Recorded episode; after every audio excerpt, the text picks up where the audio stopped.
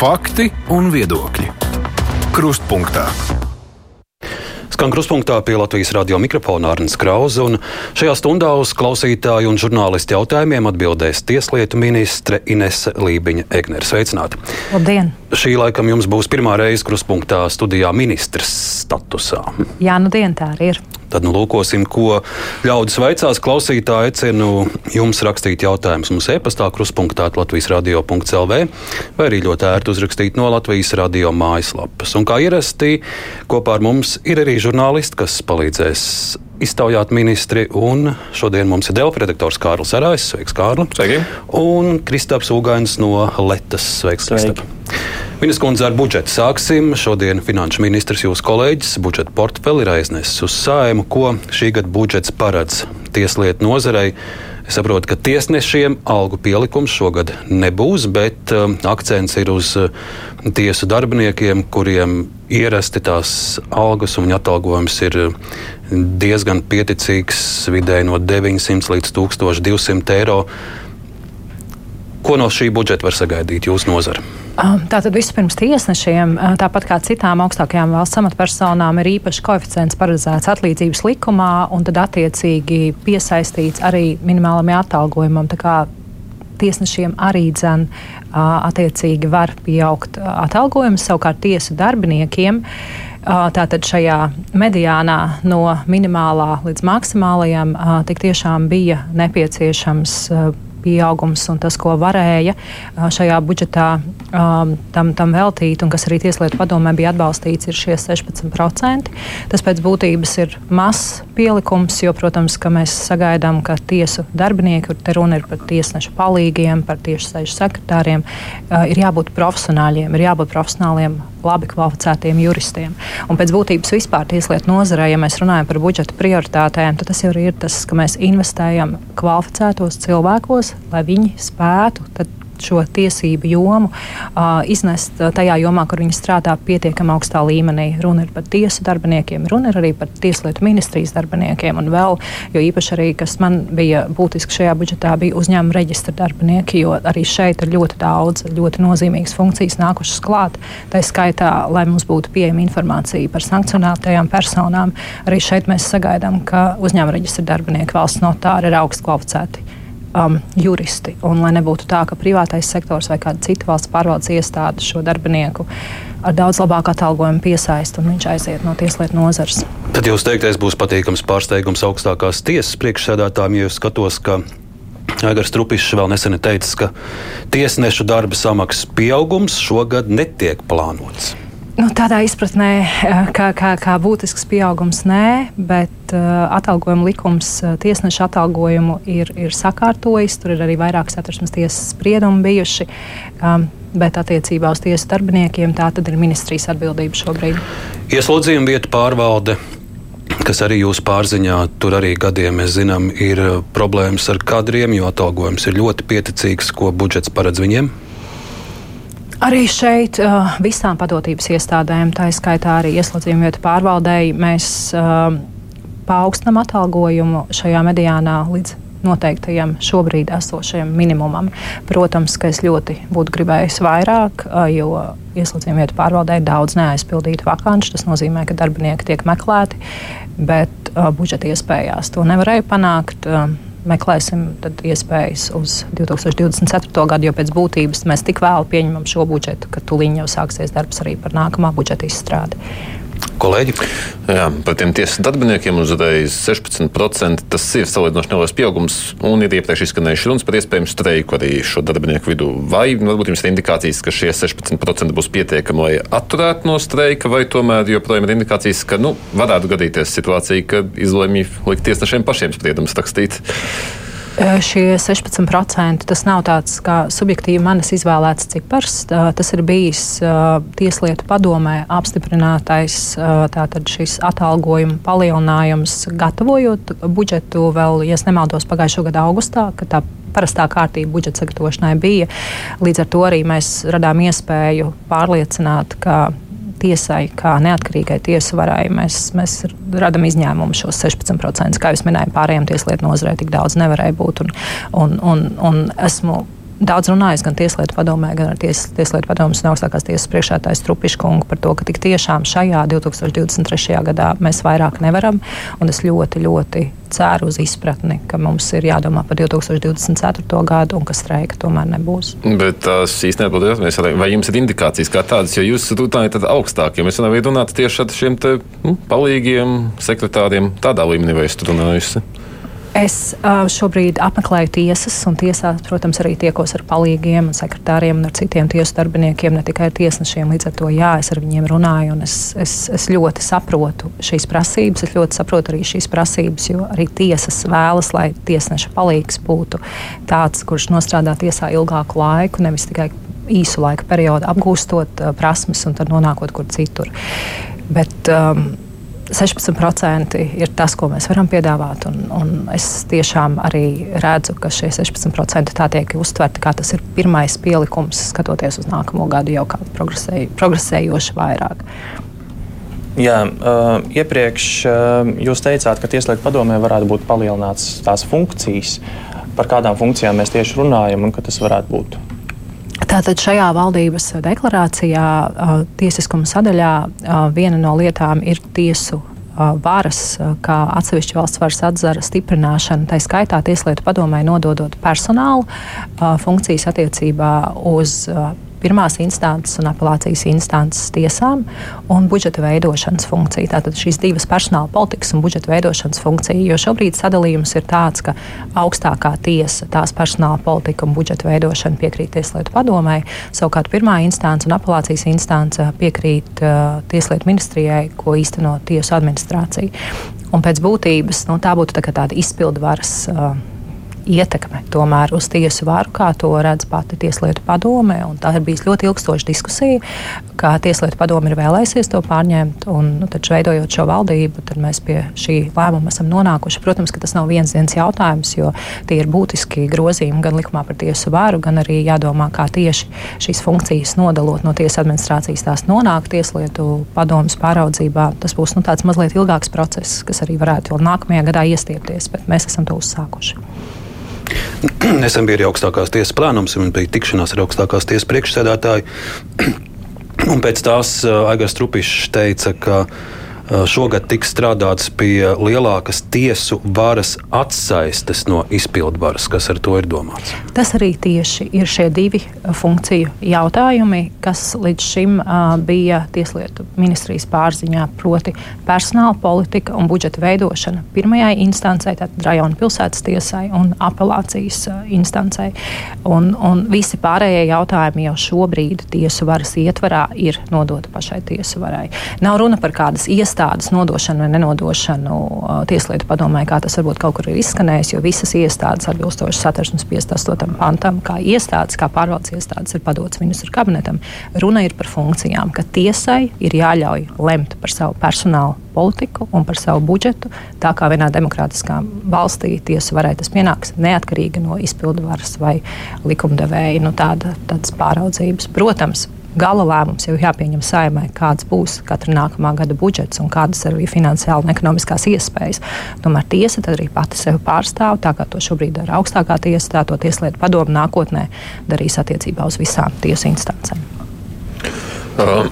Pamainot bišķi tematiku, vēl viens aktuāls temats, ko jūs arī intervijā kolēģim no Latvijas teicāt, ir par civilās savienības likumu un to kopējo pakotni. Ka, kad jūs paredzat, ka varētu veidot tādu kopēju likumu pakotni, kur būtu nu, visi šie regulējumi iekļaut. Nu, man ir, nav jautājums par saturu, man ir jautājums, kā jūs cerat politiski to izdabūt cauri. Jo, nu, saskaitot balsis, tur nesanāk šobrīd 51 balss. Tā nav mana kā tieslietu ministras ideja veidot pakotni, bet gan tā ir valdība veidojošo trīs politisko partiju apvienību vienošanās vienošanās, kas ir nostiprināta koalīcijas līgumā, ka mēs veidojam šādu pakotni, gan jau sākotnējos memorandos, veidojot valdību, gan arī deklarācijā norādīts, ka mēs izmantojot terminu mājsaimniecība, kā to vēlējās tātad, mūsu koalīcijas sadarbības partneri. Mēs šādu pakotni virzam, proti par sociālajām un, un, un, un ekonomiskajām, mantiskajām tiesībām. Un, protams, ka ir nepieciešams arī normatīvais regulējums, kā mēs definējam šādas, šādas mājsaimniecības. Jo, protams, ka satversmes tiesas spriedums par to, ka nelaulātajiem uh, kopdzīves partneriem ir jānodrošina laulātajiem pielīdzināmas sociālās un mantiskās uh, tiesības un, un, un, un, un regulējums. Uh, tas būtu attiecināms šeit šīm definētajām maisaimniecībām. Es esmu jau minējusi, ka manuprāt šis kompromiss, kompromis, ka mēs aizējam prom no. Um, terminoloģija, kopdzīves partneri, vai, vai kā iepriekš bija civilās savienības partneri, vai kā citādi. Pēc būtības šeit ir runa par terminoloģisku, nu, tādu citu ieskatu, kā, kā, kā varbūt nu, sākot kaut ko jaunu, bet pēc būtības um, jau satversmes tiesas spriedums ir jāizpilda. To ir, to ir atzinusi arī tikko uh, pati satversmes tiesa konferencē pēc satversmes tiesas gada atklāšanas. Laviņkungs arī to ir apliecinājis, ka šis spriedums ir jāizpilda. Es viesojoties satversmes tiesā, tas arī bija viens no pirmajiem jautājumiem, ko satversmes tiesas priekšētājs un satversmes tiesas tiesneši man jautāja, kā valsts gan ar izpildvaras palīdzību, un tomēr arī parlaments nodrošinās šīs satversmes tiesas sprieduma izpildi. Un, un man atbilde ir, ka ir jāizpilda visi spriedumi. Šis ir tāds varbūt skaļākais un, un, un visus interesējošākais spriedums, bet neatkarīgi no tā, vai šis spriedums ir vai nav politiski pieņemams vai nav pieņemams, demokrātiskā tas, valstī tas ir jāizpilda, un tas vai man kā tieslietu ministrei tas patīk vai nepatīk, arī tas nav nozīmīgi. Bet bez šī sprieduma ir vēl kādi, kuri nav izpildīti? Um, pēc būtības ir, ir šādi spriedumi. Jā, ir, ir vairāki pat šādi spriedumi, un par viņiem visiem uh, mēs uh, runājam. Un, un tur varbūt ir, nu, nav tik ilgs termiņš, kurā tie, tie, tā izpilde kavētos, jo šeit izpilde kavējas jau vairāk kā divus gadus. Mm. Par šo civilās savienības likumu arī virkne klausītāju jautājumu. Nu, piemēram, šeit. Uh, ir šāds, ja laulību vienlīdzību šī valdība un saima nespēs nodrošināt, tad vai būtu atbalstām iecer Latvijas ārpus laulībā dzīvojošiem pāriem sekt izmaksas, kas rodas reģistrējot attiecības citās Eiropas Savienības valstīs? Um, šādās detaļās uh, šobrīd um, nec Tieslietu ministrija, uh, nec arī satversmes tiesa uh, nav uh, lēmusi. Uh, šobrīd Tieslietu ministrija izstrādā likumprojekts tieši saistībā ar konkrētās atversmes tiesas spriedumu izpildi. Līdz ar to es nevaru komentēt. Kāda varētu būt vai nevarētu būt nu, likumdevēja izšķiršanās par, par pārējiem jautājumiem? Klausītājai Annai, nu diezgan tāds skaļš jautājums. Es viņu mēģināšu nedaudz pieklusināt, vai kādreiz tiks izmeklēta agrāko tieslietu ministru noziegumu. Konkrēti ir viens ministrs, kuram esot izdevies ar safabricētu pētījumu palīdzību nogrūst dziļā atvilknē Stambuls konvenciju. Jā, kā lai, kā lai tā nu, cieņpilna. Tā lai tā cieņpilna saka, ka politiskā retorika, protams, var būt ļoti krāšņa. Un, un, un katrs ministrs to izvēlas atbilstoši tam, ko viņš domā, ko vēlētājs grib dzirdēt. Taču, protams, ka tieslietu ministrs uh, vēlams izvēlētos tādu retoriku, kuras izrietētu no satversmes un kas izrietētu no faktiem. Attiecībā uz to politisko retoriku, kas tika izvēlēta demoni, demonizējot, es atļaušos to tā teikt, Stambulas konvenciju, tas neizreitēja ne no pašas būtības, konvencijas būtības un faktuālā izklāsta, kas ir par un ap konvenciju, nedz arī tas izrietēja no Latvijas starptautiskajām saistībām. Par Stambulas konvenciju ir spēkā satversmes tiesas spriedums, kurš skaidri noteica, ka neviena Stambulas konvencija atbilst satversmē, bet tieši otrādi vēl pa pastiprinot, ka Stambulas konvencija iemieso gan satversmes preambulā, gan satversmes 8. nodaļā nostiprinātās cilvēku pamatiesības un demokrātiskās vērtības attīstītā demokrātiskā sabiedrībā palīdzēt no vardarbības cietušajiem ir, ir, ir ļoti, ļoti svarīgi. Mums ir jāizglīto sabiedrība par to, ka mēs nevaram pieļaut nekādu vardarbību ģimenē, ne pret sievieti, ne pret bērniem, ne pret vīrieti. Un šī konvencija gluži vienkārši ir par to, ne par ko citu. Tad jūs no tām dziļajām atvilknēm, kur viņa, kā klausītāja raksta, ir iegrūsta, vilksiet viņu ārā tagad? Manā tieslietu ministra rakstām galdā visas atvilknes ir tukšas. Es tās pildīšu no jauna ar lietām, kuras es darīšu. Es ļoti ceru, ka no tieslietu ministrijas uh, kaut kādi tādi nu, krāšņi pētījumi ir aizgājuši uz aiziešanu, neatgriešanos. Jā, man šeit ir jautājums arī par šo Stambulas konvenciju. Vai jūs saskatāt arī uh, reliģisko organizāciju atbildību par šīs konvencijas demonizēšanu? Es varu runāt tikai un vienīgi par valsts un valsts varas atzaru atbildību, izpildvaru un likumdevēju. Um, Un, un, un reliģisko organizāciju atbildību es nevērtēju tādā izpratnē. Reliģiskās organizācijas, tāpat kā citas nevalstiskās organizācijas, dara ļoti svētīgu darbu. Bet, protams, ir arī svarīgi, lai viņiem būtu pieejama visa faktuāla patiesā informācija. Es kā tieslietu ministre vienmēr saziņā ar reliģiskajām organizācijām stāstīšu par to, par ko ir šī konvencija. Ja būs kādi jautājumi, ar lielāko prieku to skaidrošu, iepazīstināšu. Um, Mēs būsim Eiropas padomas prezidējošā valsts ministru komitejā Eiropas padomē. Tagad no maija Latvijai būs ļoti daudz iespēju tieši skaidrot Stambulas konvencijas nozīmi. Es ļoti ceru, ka reliģiskās organizācijas izmantos šo iespēju, klausīsies, ieklausīsies, varbūt arī iepazīsies ar satversmes tiesas spriedumu. Un, un tas ir ļoti, ļoti svarīgi mums kā sabiedrībai, ka mēs tik tiešām par faktiem runājam, jo ir bīstama tendence tieši dzīvot tādā nu, informācijas uh, burbulī, ja tā varētu teikt. To mums parādīja uh, Covid pandēmijas laiks, un, un, un arī šī Stambulas konvencija pēc būtības ir kļuvusi par tādu vienā konkrētā burbulī ļoti daudz apspriestu tēmu, bet tam ir pat nav pat vismazākās attālinātās sasaistes ar realitāti. Viktors raksta, ka pēc satversmes tiesa nevarētu atkārtot izskatīt jautājumu par partnerattiecībām. Esošais tiesas sastāvs varbūt lemtu savādāk, un saimai nebūtu nekas jāizpilda. Satversmes tiesa lietas ierosina balstoties uz tiem pieteikumiem, ko tā saņem savā lietvedībā. Līdz ar to es nevaru komentēt, vai šobrīd ir vai nav satversmes tiesā iesniegts kāds pieteikums. Es tikai varu teikt to, ka ministru kabinetā savukārt gandrīz katrā ministru kabineta sēdē Mēs, kā ministru kabinets, lemjam par paskaidrojumiem administratīvajā tiesā, kur valsts ir uzaicināta kā atbildētājs lietā, kurā um, kopdzīves partneri lūdz uh, atzīt sevi par ģimeni. Tad ministru kabinets katrā no šīm lietām pieņem lēmumu par paskaidrojumiem, kur mēs arī norādām, ka mēs pat nevaram pēc būtības to vērtēt, jo ministrs kabinetam nav ne šīs informācijas, ne arī cita.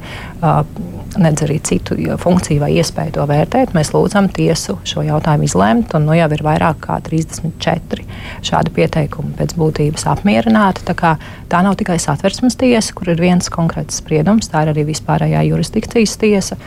Un, un, un kamēr vien likumdevējs šo jautājumu neatrisinās, uh, problēma pati no sevis nepazudīs. Bet, ja satversmes tiesā būs jauni pieteikumi, tad mēs kā Tieslietu ministrija un kā valdība, protams, iestāsimies šajā lietā un izpildīsim to, ko no mums satversmes tiesa lūdz. Varbūt nosaucot šo tematiku, cik tālu ir šie likuma projekti un tā pakotne izstrādes stadijā, kad mēs varētu gaidīt varbūt nu, pirmos uh, e-portfeļu, pirmos tā teikt Es esmu uzdevusi Tieslietu ministrijas atbildīgiem departamentiem tātad vispirms apzināt nepieciešamos normatīvos aktus, kuros grozījumi būtu vajadzīgi, un arī sākt pie tiem strādāt.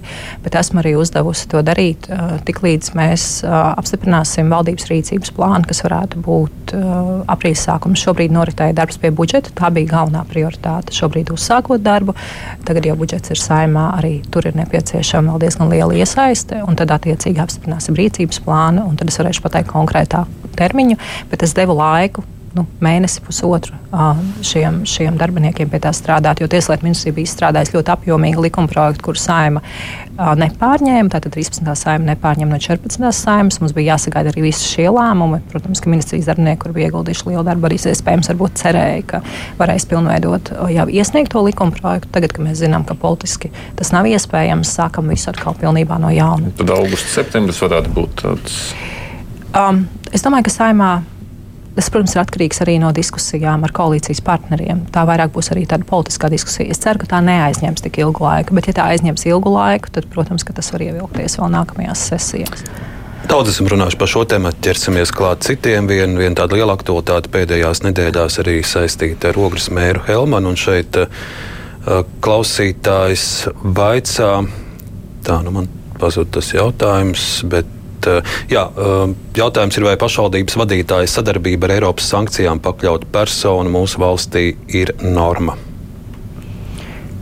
Tiesiskā valstī um, sankcionētas personas um, ir tās, kuras um, pēc būtības ir izņemtas no šīs uh, tiesiskās un ekonomiskās aprites. Un tas arī nozīmē, ka šāda izstāde pēc būtības um, būtu vērtējama iespējams kā sankciju pārkāpums. Jo arī šis konkrētais fonds, kura rīcībā ir šie izstādāmie mākslas priekšmeti, ir sankcionēts. Līdz ar to um, tiesiskā valstī, Latvija ir tiesiska valsts, šāda izstāde nevarētu notikt. Un, un, un šis mēģinājums, manuprāt, apiet sankcijas noteikti nav vērtējams. Tas, es pat atsakos to vērtēt uh, kaut kādā ziņā, kā ētisku vai neētisku. Tas gluži vienkārši ir robežojas ar likuma pārkāpumu. Tā klausītāja atzīst, vai tā ir norma? Jūs sakat, nē, tā, tā tam nevajadzētu būt. Jā. Nu, viennozīmīgi nē. Klausītājs Jānis raksta, ko ministrija ir darījusi un darīs, lai novērstu tiesu izpildītāju, patvaļu un iedzīvotāju krāpšanu. Šeit tiek minēts Rolands Veinbergs, kuru 21. gadā apsūdzēja par krāpšanu, kur viņš par 1000 eiro parādu atņēma dzīvokli pensionārei. Pirms tam viņam bijuši pieci rājieni par nolaidību. Tātad tiesu izpildītāja patvaļa um, tiesu izpildītāju rīcība un, un, un uh, paskaidrojumi par to, ja kāda no tiesu izpildītāju darbībām uh, ir, ir pārkāpusi likumu, uh, būs viena no tām lietām, ko es noteikti īstenošu bez jebkādas žēlstības. Ja šāda informācija pie manis uh, nonāks šobrīd, kopš es esmu amatā, es uh, šobrīd. Šādus jaunus pārkāpumus saņēmusi nesmu, varu vēlreiz vērtēt un, un, un raudzīties. Uh, par to, ja šāda pārkāpuma būs. Bet ar tiesu izpildītājiem, tāpat kā ar citām uh, juridiskajām profesijām, es arī uh, tikšos. Es šobrīd esmu tikusies ar notāriem zvērnātiem advokātiem, bet, protams, gan tiesu izpildītāji, gan maksātnespējas administratori, gan uh, mediātori, visas šīs profesijas, kuras ir, ir, ir Tieslietu ministrijas zināmā pārziņā, būs arī tās, ar kurām tuvākajā laikā tikšos. Te klausītājs, kurš parakstījies zem sagvārda investors, vaicā, pajautājiet, vai Latvijā pastāv tiesu izpildītāja mafija.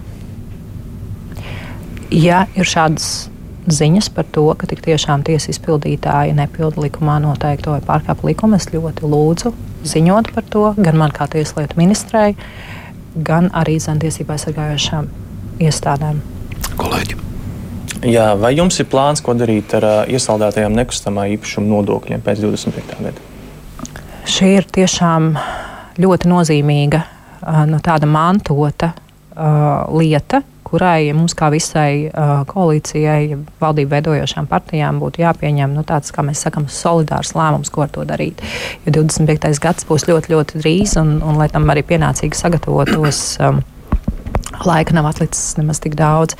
Jo pēc būtības um, tā iesaldēšana jau tikai un vienīgi ir atlikusi problēmas risināšanu. Mums ir jādomā, kā atslogot um, īpašniekus ar nodokļu likmēm. Tas būtu, manuprāt, tas galvenais primārais uzdevums, ka nodokļu likmēm būtu jābūt tādām, lai um, atbrīvojot šīs kadastrālās vērtības, tās nepieaugtu ļoti lielā apmērā vai nepieaugt pat vispār. Līdz ar to būtu jautājums tagad pēc, pēc budžeta pieņemšanas. Mēs esam vienojušies, ka mēs sāksim darbu ar iespējamiem nodokļu jautājumiem, kad arī šī būtu viena no lietām, es arī to pieteikšu, ka mēs šai lietai pievēršamies. Un tad, attiecīgi, saprotot, kādas šīs nodokļu likmes varētu būt, tad arī varētu domāt, vai ir iespējams arī šīs kadastra likmes, tā tautā runājot, atsaldēt. Pretējā gadījumā šobrīd es neredzu, ka šis sloks uh, iedzīvotājiem ir panesams. No. Atsaldējot, bet nepazeminot nodokļu likmes. Vai izskan arī idejas, nezinu, pat uh, atcelšanu primārajiem mājoklim? Ir ļoti līdzīgs. dažādas idejas izskanējušas gan iepriekšējā valdībā un saimnes sasaukumā, gan, gan arī šobrīd. Es redzu, ka vairākas politiskās partijas runā tieši par vienotu, vienu uh, mājokli, citas savukārt runā par šīm uh, iespējamajām vērtības izmaiņām nodokļu likmēs. Es domāju, ka šai diskusijai ir jābūt visiem kopā. Tā nav tikai Tieslietu ministrijas atbildība, tā ir tiešām vairāku ministriju atbildība. Mēs atradīsim risinājumu, un tad arī nāksim ar vienu konkrētu risinājumu. Mm -hmm. Pamainot, mēs tikko runājām par ogri. Es paturpināšu par ogri citā kontekstā. Man kolēģiem vakar bija raksts par gadījumu ogrē, kur jaunietis nomira pēc narkotiku pārdzēšanas, jo viņa draugi neizsauca policiju, baidoties, ka nu, lūk, pie viņiem ir vielas. Un policija arī pēc tam pie viņiem atrada vielas un ierosināja lietu. Mans jautājums būtu tāds, vai Latvijā nebūtu laiks sākt apsvērt ieviest analogu Kanādai un Amerikai labā samariešu stilu likumu, kad uh, cilvēki, kas sauc palīdzību šādos gadījumos, kad cilvēks dzīvība briesmās, netiek sodīti. Pat ja pie viņiem, piemēram, kaut kas nelikumīgs tiek atrasts, jo ik pa laikam var dzirdēt gadījumus, ka cilvēki tiešām iet bojā, jo ir bail vērsties pēc palīdzības, zinot, ka sagaida sots. Šeit nešaubīgi jāsaka, ka cilvēka dzīvība un šeit bērna dzīvība noteikti ir primāra pār atbildību un, un, un vēlmi, um, protams, vērtēt citus noziedzīgus nodarījumus, kas ir nostiprināti krimināla likumā. Un šeit bailes uh, no palīdzības, kuras ir rezultējušās tādā, ka cilvēks ir atstāts bez palīdzības stāvoklī. Pēc būtības nu, te jau rezultējas atkal jaunā noziedzīgā nodarījumā, jo atstāšana bezpalīdzības stāvoklī ir arī noziedzīgs nodarījums, kas ir, kas ir nostiprināts krimināla likumā, un, un, un, un, un nesniegt palīdzību, um, nelūgt uh, mediķu iesaistīšanos. Um, manuprāt, nu, tā ir arī tēma, par kuru mums sabiedrībā ir jārunā, ka mēs ļaujam vai noskatāmies, ka cilvēks šajā bezpalīdzības stāvoklī nesaņem palīdzību, baidoties par sevi. Bet tieši atbildot uz jūsu jautājumu, vai mums būtu apsverams uh, šāds priekšlikums par to, ka viens no apstākļiem, kā, kā nepiemērot atbildību, ir, ja tu, tu esi ziņojis un, un lūdzis palīdzību savam draugam vai biedram, tas būtu tiešām jāizdiskutē. Es vakardien, um, iepazīstoties ar šo konkrēto rakstu, um, jau, jau runāju ar labklājības ministru. Mēs arī runājām tieši par, par jauniešu, par nepilngadīgo. Um, problemātiku gan ar, gan ar narkotikām vielām, gan arī to, kā vairāk skaidrojot un nevis baidot ar atbildību. Mēs varam uh, domāt, kā, kā šiem jauniešiem palīdzēt, bet, protams, ka vēl būtu nepieciešams arī runāt ar iekšlietu ministriju, jo tieši iekšlietu ministrijā uh, ir, ir, ir nu, vis, vislielākā pretestība arī tā skaitā, ja mēs runājam par iespējamu atbrīvošanu no atbildības tieši par narkotiku vielu lietošanu, tajā gadījumā, kad cilvēks ir atkarīgs. Jo viņš ir atkarīgs, viņš nevēršas pēc palīdzības, jo viņš iespējams baidās no tā, ka viņam būs atbildība par lietošanu. Tā kā šeit ir ļoti, ļoti daudz tādu sasaistītu jautājumu, kas varbūt ilgāku laiku nav risināti. Un, un šeit ir uzplēsta tā brūce ar ļoti, ļoti no tādu lielu problemātiku, jo ir gājis bojā bērns gājis bojā bērns citu bērnu nezināšanas un baiļu dēļ. Un mums, pieaugušajiem, šobrīd nu, par to domājot un runājot, nu, mēs nekad nepalīdzēsim tam konkrētajam bērnam, kurš ir miris. Bet mēs varam domāt, kā citus bērnus izglābt un kā citiem bērniem skaidrot. Un, un, un, un iespējams, ka tas ir risinājums. Bet tas ir tikai viens no risinājumiem. Bet, protams, ka narkotiku vielu pieejamība um, tā ir vislielākā problēma, kuru um, mums visiem kopā, es nedomāju tikai par Tieslietu ministriju, mums visam, visām atbildīgajām nozarēm kopā ir jāmeklē iespējas, kā to, um, kā sodīt tos, kas bērniem dod iespēju nonākt pie narkotikām vielām. Tā ir primārā lieta, kas likuma varai ir jāpārtrauc šī ķēde. Pārējais jau par to vai atbildība par lietošanu, vai atbildība vai atbrīvošana atbildības par ziņošanu, tas jau būtu sekundāri. Bet tiešām, ka vēl joprojām bērniem skolās ir pieejamas narkotikās vielas, tas ir kliedzot. Un jūsu atbildes laikā Roberts ir uzrakstījis jautājumu, kad beidzot Latvijā legalizēs marihuānu kā ASV un Kanādā. Es arī dzenu šeit, kā tieslietu ministri, nevaru atbildēt konkrēti uz šo jautājumu. Protams, ka politiskajā dienas kārtībā šādas diskusijas ir bijušas, un iespējams, ka šādas diskusijas arī atgriezīsies. Un, un, un varbūt tiešām kontekstā ar iekšlietu ministriju mums būtu jādomā, es varētu runāt ar iekšlietu ministru, jautāt, vai viņš varētu vai nevarētu aktualizēt šos jautājumus. Ligitai šāds jautājums Latvijā ir atcelts nāves sots, vai ir pieļaujams pielietot šaujamieročus, ja no cietuma mēģina izmukt notiesātais par nesmagu noziegumu kurš nevienu neapdraud. Vai šo normu nevajadzētu grozīt par ieroču pielietošanu, un Ligita arī norāda, ka mm, šī norma par ieroču pielietošanu ir paredzēta ieslodzījuma vietu pārvaldes likuma 24. pantā. Vai, es... Vai ir pieļaujams pielietot šaujamu ieroci, ja no cietuma mēģina izmukt notiesātais par nesmagu noziegumu? Tātad pirmkārt, arī nodrošinot drošību, tā skaitā ieslodzījuma vietās, vienmēr tas, par ko ir jādomā, lai šis piemērotais līdzeklis būtu samērīgs. Un, protams, ka uh, ir arī citi samērīgāki līdzekļi, kā nodrošināt uh, ieslodzīto personu um, atrašanos ieslodzījuma vietā. Um, nevis izmantot ieročus, bet, bet citādi nodrošināt, ka nevar izkļūt no ieslodzījuma vietas. Es nevaru komentēt kaut kādu konkrētu situāciju, jo es neesmu ar to iepazinusies. Bet, protams, ka ik viena amatpersona, tā skaitā arī ieslodzījuma vietu pārvaldes amatpersona, tiesiskā valstī samērīgi pilda savus pienākumus un vienmēr vērtē, ka tas, kā viņi rīkojas, ka tas ir tiešām tajā situācijā atbilstoši apdraudējumam. Ja apdraudējuma nav, tad ir jārīkojas tā, lai, lai, lai neizdarītu vairāk ļaunu nekā labu. Vēl viens tās par ieslodzījumu vietu pārvaldi. Jums tiek vaicāts, eh, vēlamies uzdot šādu jautājumu. Tieslietu ministrijas pāraudzībā esošā ieslodzījumu vietu pārvalde ir noslēgusi provizoriski 14 miljonu vērtu līgumu ar Sijā Lenko, kas tostarp nodrošina mego veikalu darbību ieslodzījumu vietās visā Latvijā. Kā zināms, mego veikala tīkla operators Sijā Lenoka patiesais labuma guvējs ir Mārtiņa Bunkus slepkavībā apsūdzētais Aleksandrs Babenko kā Tieslietu ministra vērtē, ka tās pāraudzībā esošā iestāde līdz pat 2025. gadam turpinās nodrošināt praktiski garantētu ienākumu gūšanu slepkavībā apsūdzētai personai. Līgums paredz arī vienpusējas atkāpšanās tiesības. Šeit ir pievienots arī gan līgums starp uh, ieslodzījumu vietu pārvaldu un Sijā Lenoka, gan arī uzņēmuma reģistra informācija par uh, patiesā labuma guvējiem šajā sijā. Paldies par informāciju. Es arī lūkšu jums, varbūt man arī vairāk no šīs informācijas nodot. Es, es to varēšu vērtēt, un es lūkšu valsts sekretāram arī to vērtēt. Paldies Mums par informāciju. Mums ir jāpārbauda, bet nu, neizklausās loģiski. Ka... Es iepazīšos ar šo situāciju un šo līgumu, un tad es arī varēšu dot tam savu vērtējumu. Tas, ka Mego nodrošina šos veikalu tīklus cietumos, tas ir zināms. Es piebildu, ka par šo jau gan es pats rakstīju pērn tieši īsi pēc aizturēšanas jau bija rakstīts, tā ka informācija ir publiski zināma diezgan ilgi. Tas ir nemotas, es biju pirmais tieši, kurš to arī rakstīja. Kolēģi? Jā, es gribētu atgriezties pie nekustamajiem īpašumiem. Kāds ir jūsu redzējums uz notāra padomus piedāvājumu, kurš paredz ieviest obligātu notariālā akta formu darījumos ar nekustamo īpašumu?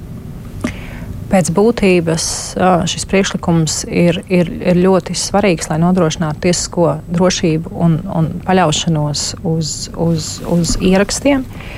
Bet tas vienmēr ir vērtēts un ir jāvērtē kopsolī, um, kādas ir izmaksas un kas šīs izmaksas sēdz. Um, šobrīd um, tādā piedāvājumā lai, lai to varētu izpildīt bez uh, kaut kādas lielākas valsts budžeta iesaistas, skultos uz, uz, uz to personu pleciem, kuriem šie darījumi būtu jāslēdz. Līdz ar to um, tas arī ir bijis tas galvenais iemesls, kādēļ. Uh, šobrīd šī diskusija nav rezultējusies ar likuma grozījumiem, nedz, nedz tad, kad šis uh, jautājums tika prezentēts saimā iepriekš, nedz arī šobrīd valdības deklarācijā tas nav ietverts. Ja um, ekonomiski varētu no finanšu ministriju vienoties par to, ka mēs pārskatām uh, tieši šīs likmes un tieši šo uh, samaksas pienākumu attiecībā uz personām, kuras darījums slēdz, un šīs papildus izmaksas ar notariālo um, apliecinājumu, tad, tad, protams, mēs par to varētu domāt. Bet šobrīd es neredzu, kā mēs vēl vairāk uzliktu slogu cilvēkiem. Tas gluži vienkārši, kaut arī tas nodrošina drošību, kaut arī man kā juristam tas ļoti patīk, un tas, protams, atvieglotu šo sistēmu. Es neredzu, kā mēs vēl vairāk varētu noslogot personas. Diemžēl. Es arī gribētu par tiesvedību ilgumiem parunāt, jo esam gājuši uz priekšu nenoliedzami. Ir progress samazinātais debašu nu, ierobežojumu debatēs, pierādījumu lasīšanā un tam līdzīgi. Bet tomēr, teiksim, ir krimināla process, kurā tiek tiesāta bijusī tieslietu ministre, kura šobrīd neatrodas ne Eiropas Savienībā, nekur. Atkal viss apstājies. Atkal atceļam vienu sēdi, noņemam vēl vienu. Tagad lūdzam, vai varēs skatīt no apvienotiem Arābu Emirātiem, kas arī ir vesela cita problēma, jo tad jādodas pārstāvniecība, jo vajag drošo pieslēgumu. Nu, vai tiešām mums nav rīki, kā kaut kādā veidā pātrināt šos procesus? šī problēma ir, ir tiešām aktuāla, un es uh, domāju par tās risinājumu, jo tik tiešām uh, augstākā tiesa ir lēmusi, ka šādās situācijās um, šīs attālinātās videokonferences, uh, tā kā tās līdz šim lēmumam bija iespējams, vairs nav iespējams. Līdz ar to apvienotie Arābu Emirāti uh, ir viena no tām uh, valstīm, ar kurām mums nav arī šādu līguma saistību, tiesiskās palīdzības līguma saistību, kur mēs varētu īpaši arī lūgt nodrošināt mums šādas konferences bet risinājumam ir jābūt. Jo, protams, ka uh, mēs atrodamies uh, tādā iespējā, ka digitālās uh, iespējas to nodrošina. Pēc būtības jau uh, mums ir jāatrod tiesiski juridisks veids, kā šīs video konferences nostiprināt.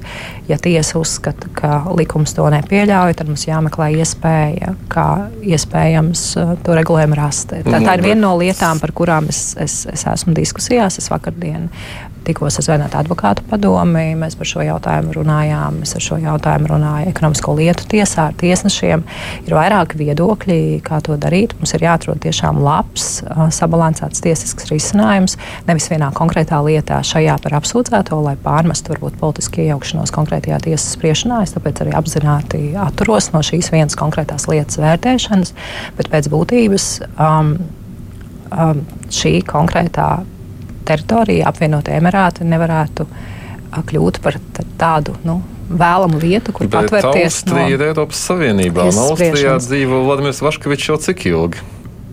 Tātad tik tiešām attālinātās videokonferences un to izmantošana tiesas spriešanā, tā ir jāiet roku rokā ar tām vajadzībām, kas mums kā valstī ir konkrētajos procesos. Mums ir jāatrod risinājums, kādēļ līdz šim šis risinājums nav bijis atrasts. Tur ir vairāk apstākļi un, un, un, un, un vairāki, tā skaitā tiesu varā, izteikti viedokļi. Šos visus viedokļus uzklausot, es tomēr neatmetu cerību, ka mēs atradīsim risinājumu. Kārļa minētais piemērs tātad bija par neseno tiesas sēdi saistībā ar bijušo tieslietu ministru Bāju Broku. Un, pēc tam es vēroju sociālajos tīklos, tur ļaudis, šķiet tā bija ministra Ilza Viņķela arī bijusi, kur teica, ka viņa arī gribētu sev tik iejūtīgu, tik iecietīgu prokuroru, kurš labi var saprast, advokāts lūdz atkal kārtīgi reizi pārcelt, jo lūk, tur nav iespējams tajā brīdī sēdēt pie datora, bet, bet arī prokurors šo lūgumu atbalstīja, un šī lieta velkās un velkās un velkās. Tieši tā, šī un citas lietas rāda, ka risinājumam ir jābūt. Šis risinājums dažādu iemeslu dēļ nav rasts līdz šim. Bet šo risinājumu mēs meklēsim, un es darīšu visu, lai mēs to atrastu. Kas ir šie iemesli? Jūs sakat, dažādi iemesli. Kas ir šie dažādie iemesli? Um, šeit konkrēti ir viens uh, senāta um, nolēmums par to, ka šādas konferences, attālinātas konferences nav iespējamas.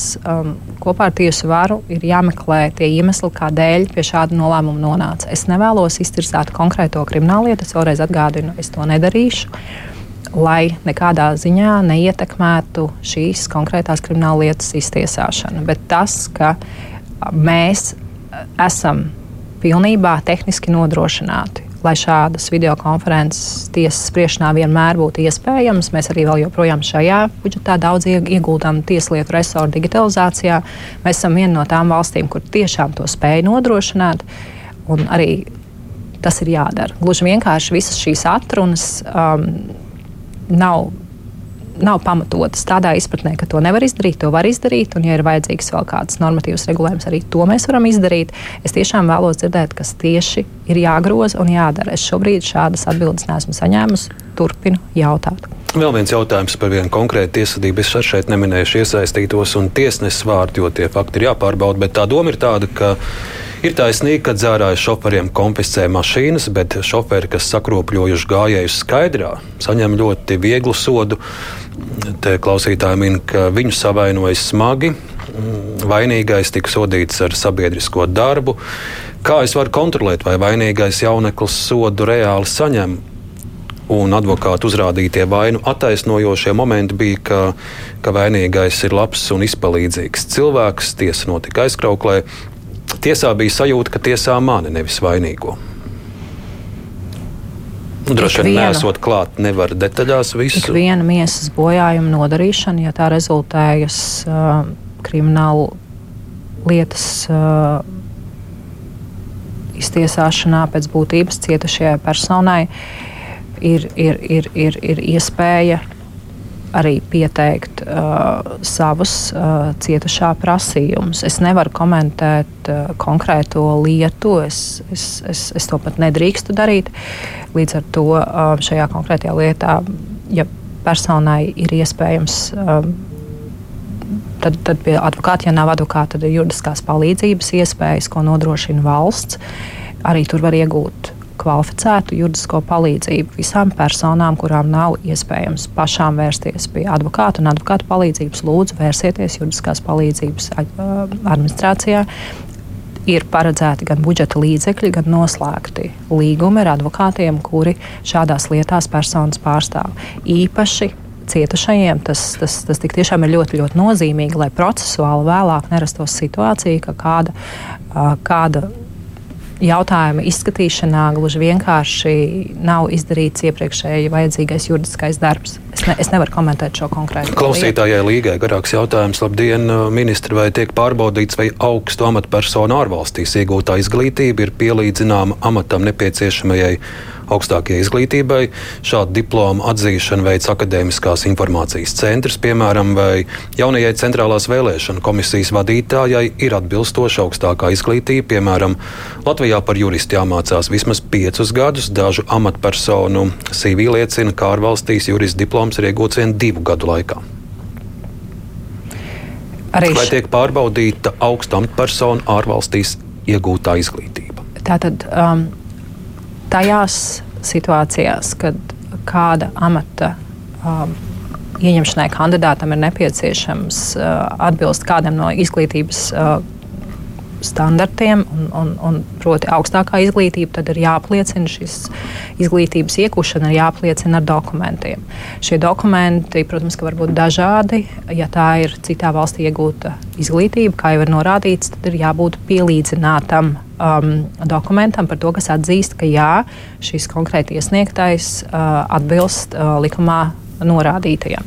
Es nevaru konkrēti kon komentēt šo vienu gadījumu. Uh, nesmu, uh, nesmu kompetenti to darīt, bet um, tas būtu jautājums šim, šim, šim izglītības ministrijas padotībā esošajam um, centram, kas, kas to varētu komentēt. Bet pēc būtības likumā nostiprināts, ka atzīt var tikai to, kas atbilst kritērijiem. Un kritēriji ir dažādi. Kritēriji ir apgūtais, apgūtais uh, kursu skaits. Uh, kādas, kāda, kādas valsts izglītības dokuments tas ir. Tātad, ja tā ir Eiropas Savienība, tad tā ir cita situācija nekā ja tas ir trešajās valstīs.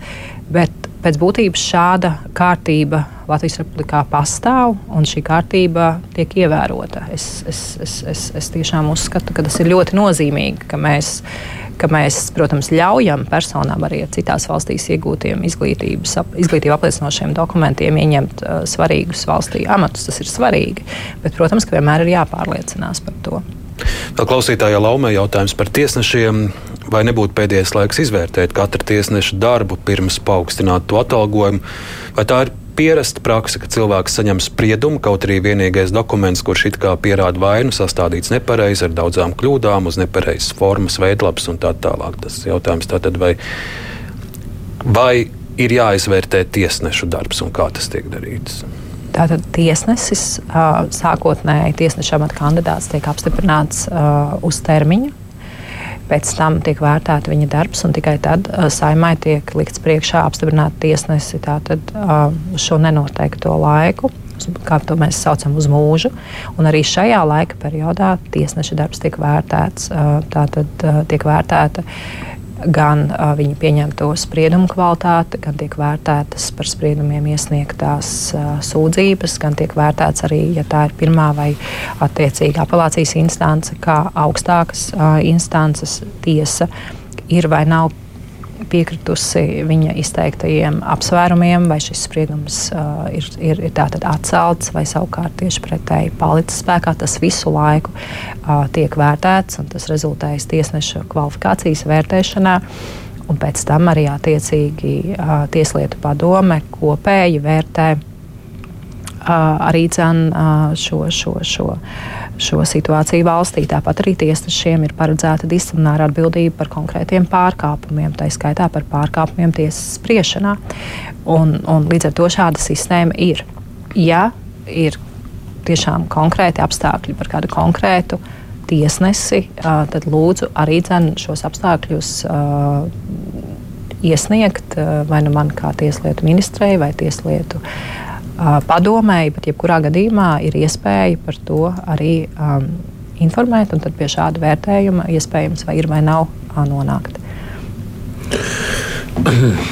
Vēl viens jautājums, kas man personīgi ir, liekas diezgan būtisks, ir Latvijas iedzīvotāju izpratne par tieslietām kopumā. Un te ir jautājums, vai jums nav nu, doma bijusi varbūt kādreiz parunāt ar izglītības ministri kaut ko, ka vajadzētu varbūt skolās vairāk ieviest tieši šo te kaut kādu pamatu es nezinu, kā to nosaukt, tiesiskuma pamati priekšmets vai atsevišķs kurs, kur uh, cilvēkiem mācīt. Jo to ļoti bieži, manuprāt, var novērot publiskās diskusijās, komunikācijās, ka cilvēkiem ir tajā bāzes līmenī nav izpratne par to, kā strādā vispār tiesiskuma sistēma. Un tad vajadzētu, nu, vai tu nevarētu iekļaut arī vispār, jo nezinu, kā strādā saimnieks, ministra kabinets un viss kopumā.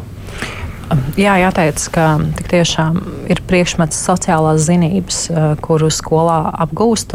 Tur, tur Tātad bija apraksta, kādas kompetences uh, tiek iegūtas apgūstot šo priekšmetu. Tur arī tiek norādīts pamat, pamatzināšanas par satversmi, par pamatiesībām.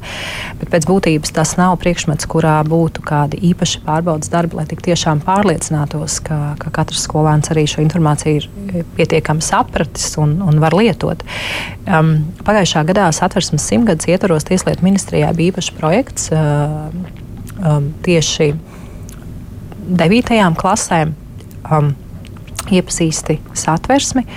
Uh, kuras satversmes vēstneši, tie bija dažādi juristi, tā skaitā arī es uh, piedalījos. Mēs brājām skolām un stāstījām par satversmi, par ko ir satversme, ko noteica satversme, gan attiecībā uz to, kā funkcionē valsts, gan arī to, kas ir um, tieši cilvēktiesību sadaļā, 8. nodaļā.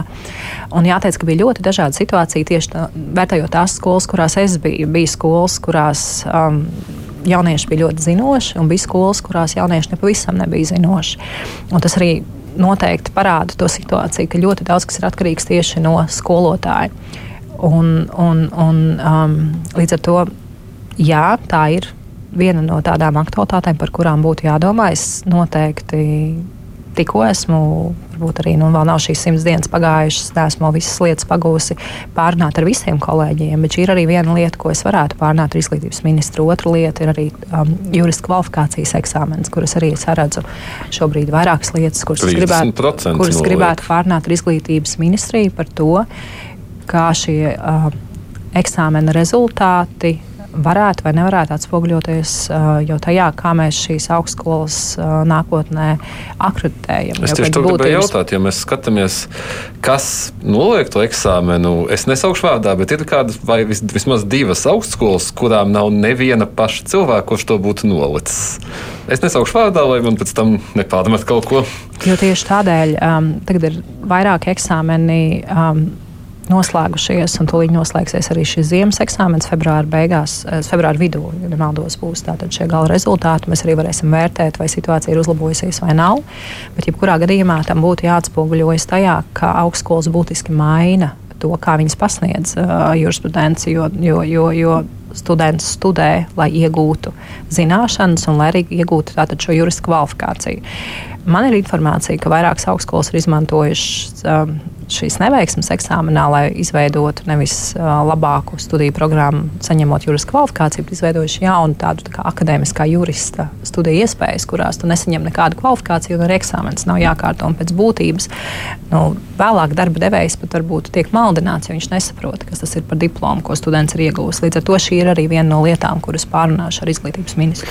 Es arī vēlējos palikt pie jautājuma iepriekš, ko klausītāji uzdeva par tiesnešu darbu vērtēšanu. Jūs skaidrojāt, ka ir liels ciets, lai tiesnesis es vispār tiktu apstiprināts amatā, es atvēru uh, tiesneša disciplināru kolēģijas pieņemto lēmumu sarakstu. Tas ir tikai par vienu gadu. Es nosaukšu vienu vien lēmumu nosaukumus par tīšu likuma pārkāpumu, par tīšu likuma pārkāpumu un rupju nolaidību, par necienīgu rīcību, par interešu konflikta neievērošanu, par rupju ētikas pārkāpumu ētikas pārkāpums, atstādināšana no amata pienākumu pildīšanas. Tas ir tikai viena gada ietvaros pieņemt lēmumu. Un tas viss ar to, to, to, to, to lielo sietu, un tāpat ir. Protams, jo arī disciplināra atbildība ir šīs sietas sastāvdaļa.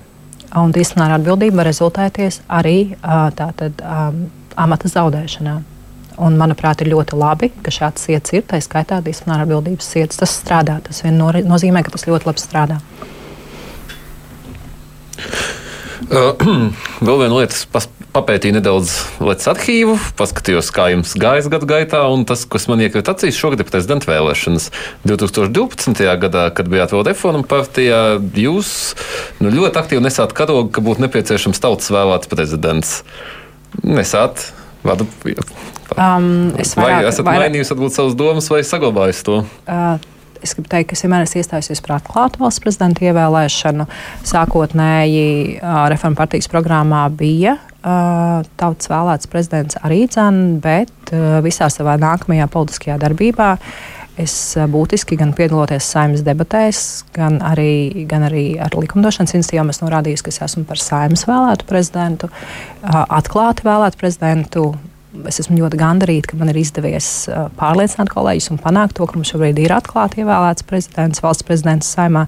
Es noteikti neredzu um, nepieciešamību mainīt ievēlēšanas kārtību, uh, bet, bet tieši um, uzskatu, ka šīs saulēcīgās kvalitatīvās debates vērtējot kandidātus ir, ir, ir ļoti, ļoti svarīgas. Šogad man nebūs tas gods piedalīties uh, valsts prezidenta vēlēšanās, jo to ievēl saima. Bet es sagaidu, ka šīs debatas būs laicīgas, saulēcīgas, jo arī saima grozīja likumu, uh, nosakot termiņu, kādā uh, valsts prezidenta amata kandidāti ir iesniedzami. Līdz ar to es ar lielu uzmanību Vai jau klausīšos debatēs. Paturpināšu Kārļa jautājumu, jā, jā. jo Egils Levits ir bijis uzpriekšgājējs, arī reiz tieslietu ministrs. Kāda šobrīd ir indikācijas, cik liels ir iespējas viņam partija tikt apvienība, partija apvienība jaunā vienotība šobrīd tātad ir teikusi, ka viņa nevirzīs prezidenta amata kandidātu. Mums šobrīd šādas diskusijas nav bijušas, jo šobrīd mēs tiešām esam strādājuši gan pie valsts budžeta apstiprināšanas, gan pie citiem jautājumiem. Um, šī debata ir tikai tik, tikko sākusies. Es uh, neesmu vēl arī sagaidījusi paša valsts prezidenta Egila Levita um, lēmumu par to, vai viņš uh, izteiks gatavību kandidēt vai nē. Līdz ar to es pāragri varētu kaut ko šobrīd uh, komentēt. Es tiešām uzskatu, ka šis būs viens no svarīgākajiem politiskiem jautājumiem. Um, Tūlīt pat, bet, bet šobrīd uh, vēl ir pāragri kaut ko teikt. Jaunā vienotība noteikti. Uh, noteikti mm, šobrīd nenāks ar kādu kandidātu, to nevērtējot varbūt kaut kā plašāk. Tā tieslietu ministra Ines Lībiņa. Gnēr, paldies jums, ka atbildējāt uz mūsu un klausītāju jautājumiem šīs stundas garumā. Studijā bija arī kolēģi žurnālisti Kārlis Arājs no Delpī un Kristaps Ugainis no Leta. Paldies arī paldies. jums, klausītāji. Paldies! Mēs arī tiekamies un kopā ar kolēģiem žurnālistiem apspriedīsim šīs nedēļas notikumus, budžets un citi temati. Vakar Jānis Domburs televīzijā plaši sprieda, Jānis arī rīt būs pie mums šeit. Producente Tevī Unāma studijā Bjārnas Krause.